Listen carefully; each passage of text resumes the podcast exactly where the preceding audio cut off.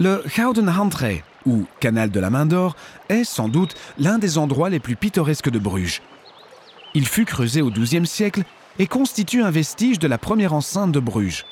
Ce canal est la continuité de l'Augusteinenrey, entre le Torenbrug et le Langerey. Le Gouden Handré est une enjambée par le Torenbrug et le Gouden Handbrug. C'est un endroit pittoresque à bien des égards.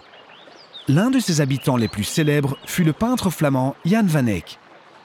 Des sources historiques rapportent que sa maison et son atelier se trouvaient au numéro 6. Outre le fait d'être un endroit touristique, c'est aujourd'hui une petite rue le long de laquelle de nombreux cyclistes de Bruges entrent et sortent de la ville. Bruges est la ville idéale pour les cyclistes. Vous ne manquerez pas de le remarquer lors de votre visite à la Triennale de Bruges 2021. C'est dans ce lieu polyvalent que l'architecte américain John Lott a été chargé de concevoir un pavillon pour le programme public de la Triennale de Bruges 2021. Depuis de nombreuses années, Lott est fasciné par les sosies, tant en matière d'architecture qu'auprès des gens. Son travail pour la Triennale de Bruges 2021 s'intitule Le diptyque de Bruges et s'appuie sur ce thème. Il a construit sur le Handré à proximité de la maison de Jan van Eyck, la duplication d'un bâtiment abandonné.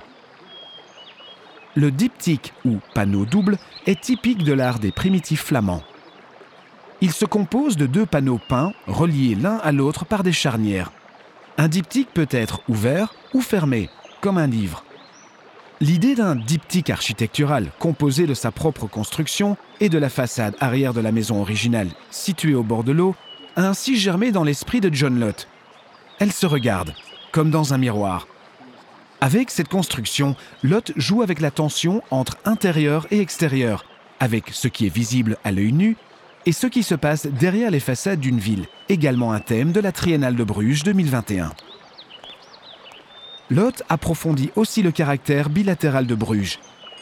La ville est un endroit touristique magnifique et idyllique, mais est aussi un endroit où l'on habite et on vit. L'image de la ville est-elle en accord avec la réalité? C'est la question centrale qui sera soulevée lors de nombreuses activités dans ce pavillon. Le Bruges diptyque est indéniablement un lieu où sont évoquées curiosité et inspiration.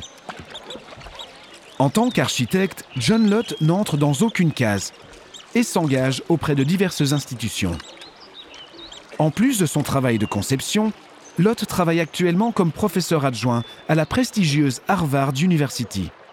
Il est également le fondateur de Paraproject, un cabinet d'architectes basé à New York et à Cambridge. Chaque projet prend forme grâce aux efforts d'un groupe diversifié de partenaires et est également motivé par la curiosité et les besoins spécifiques de ses clients. Para expérimente différents médias et participe à des projets culturels, résidentiels et institutionnels. Lott est également le cofondateur de Collective Lock, également connu sous le nom de Clock. Cette collaboration interdisciplinaire réfléchit aux défis architecturaux et a pour objet de leur conférer une forme. Dans son travail, Lott recherche toujours un équilibre entre l'espace public et un lieu où réflexion et perception peuvent être évoquées. Il a ainsi placé sur Times Square en 2016 avec ses partenaires l'installation Heart of Hearts, un cercle de sculpture en forme de cœur.